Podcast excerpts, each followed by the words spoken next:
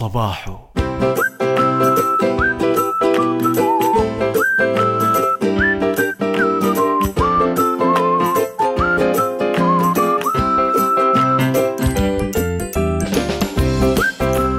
صبحكم الله بالخير أحبائي مستمعين برنامج صباحو البرنامج الإذاعي اللي تنتظرونه وينتظركم.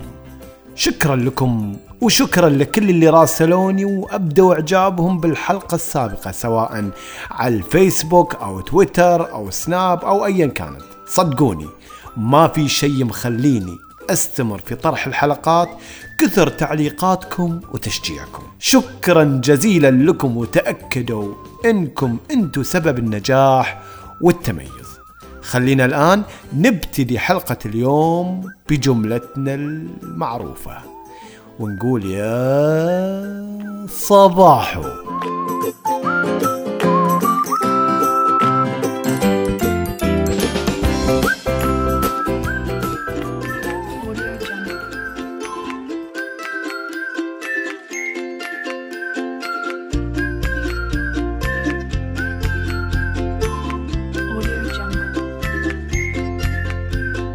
الأسبوعين اللي فاتوا كانوا أصعب أسبوعين في حياتي المهنية.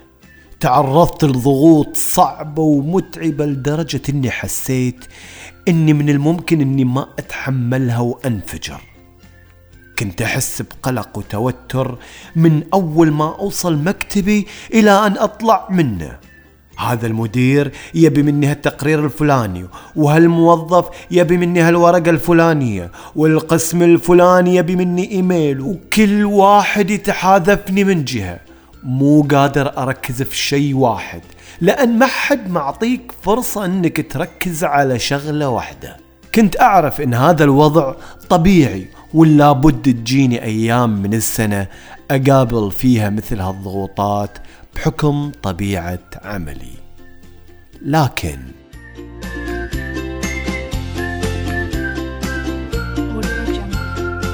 بالرغم من كل هالضغوطات والقلق والتوتر اللي قابلته إلا أني من أقفل باب مكتبي وأنا طالع من دوامي أتحول إلى إنسان ثاني أحمد اللي بالدوام وباين عليه التوتر والتعب ينقلب إلى شخص يضحك ويسولف ومستمتع بحياته.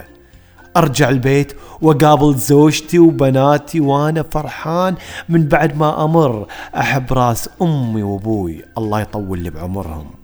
أنسى كل همومي ومتاعبي بمجرد ابتسامة من أهلي. وكأن اللي صار لي بالدوام ذاك اليوم ما صار أصلا. أفصل حياتي العملية عن حياتي العائلية والمجتمعية. شنو أحسن من كذا.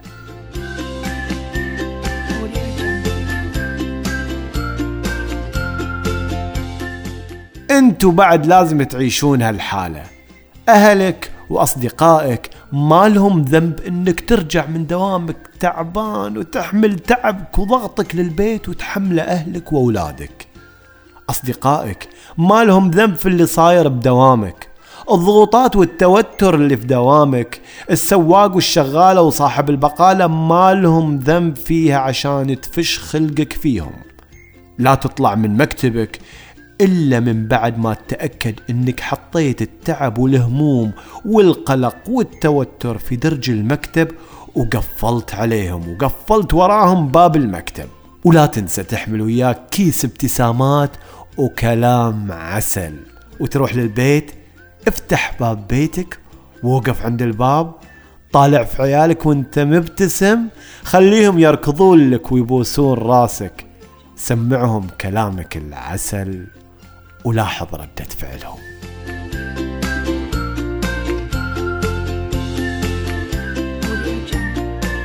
كلنا نتعرض لضغوطات في حياتنا اليومية مو بس انت كلنا ننزحم في أعمالنا. لكن الشاطر فينا اللي ما يقحم الآخرين في مشاغله ويشغل نفسه ويشغلهم معاه خصوصا إن كانوا أهله. ما أقول لك اكتم مشاعرك ولا تفضفض همومك لأحد لكن اختار الشخص المناسب والوقت المناسب.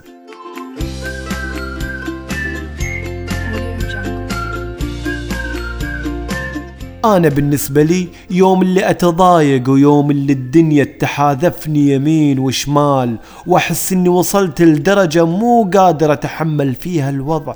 أختار الوقت المناسب وأعرف أتوجه لمين. ساعتها أرمي همومي عنده وهو يتقبلها ويهونها علي ويواسيني وما يتضايق مني. بعضكم يتوجه لصديقه وبعضكم القريبة وبعضكم الزميل عمل وناس زوجاتهم وناس تتوجه لأمهاتهم ومنو أفضل من أم الخير تسمع لك وتواسيك. المهم إن كل شخص عارف وين يروح بس يروح بالوقت المناسب. الدنيا هذه ما فيها راحة وكل يوم قاعدين نتعرض لمواقف وظروف صعبة. لا تضايق نفسك وتعيش حياتك كلها بتعاسة. وإذا أنك مصر أنك تعيش تعيس فرجاء. عيش تعيس بس بعيد عن الآخرين. أهلك ما لهم ذنب أصدقائك ما لهم ذنب ما حد له ذنب عشان تنكد عليه وتخرب يومه. عيش حياتك وابتسم يا أخي واضحك وقابل أهلك وأصدقائك وناسك بوجه بشوش. انسى كل الهموم اللي تخرب عليك يومك. ترى الحياة قصيرة عيشها بكل ساعاتها وأيامها ولياليها وأنت مبتسم. واصنع ابتسامة على وجه الآخرين وخلي الدنيا كلها تبتسم لك. على سالفة الابتسامة خلوني أقول لكم سالفة عن أحد أصحابي.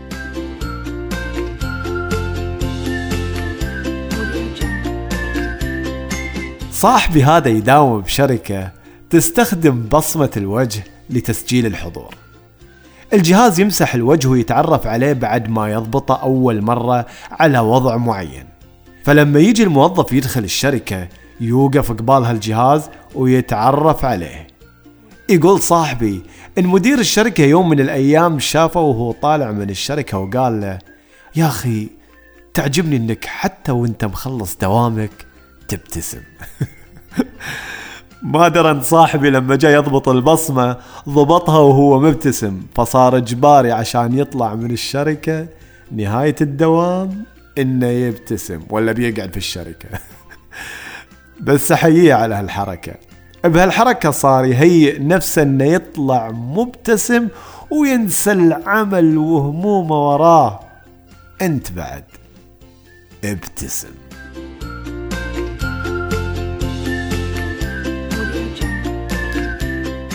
هذه كانت حلقتنا لهذا الصباح. أتمنى إنها نالت إعجابكم. وإذا فعلا نالت إعجابكم انشروها واهدوها لكل اللي تعرفونه. شاركوها على الفيسبوك تويتر واتساب بأي وسيلة ممكنة.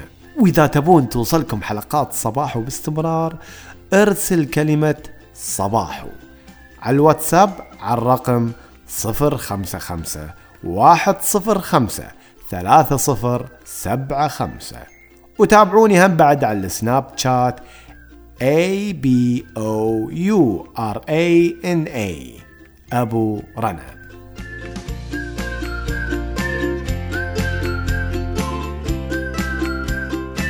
شكرا لكم أحبائي والاقيكم في الحلقة القادمة إن شاء الله. صباحكم عسل صباحكم رائع صباحكم كله تفاؤل وبركة.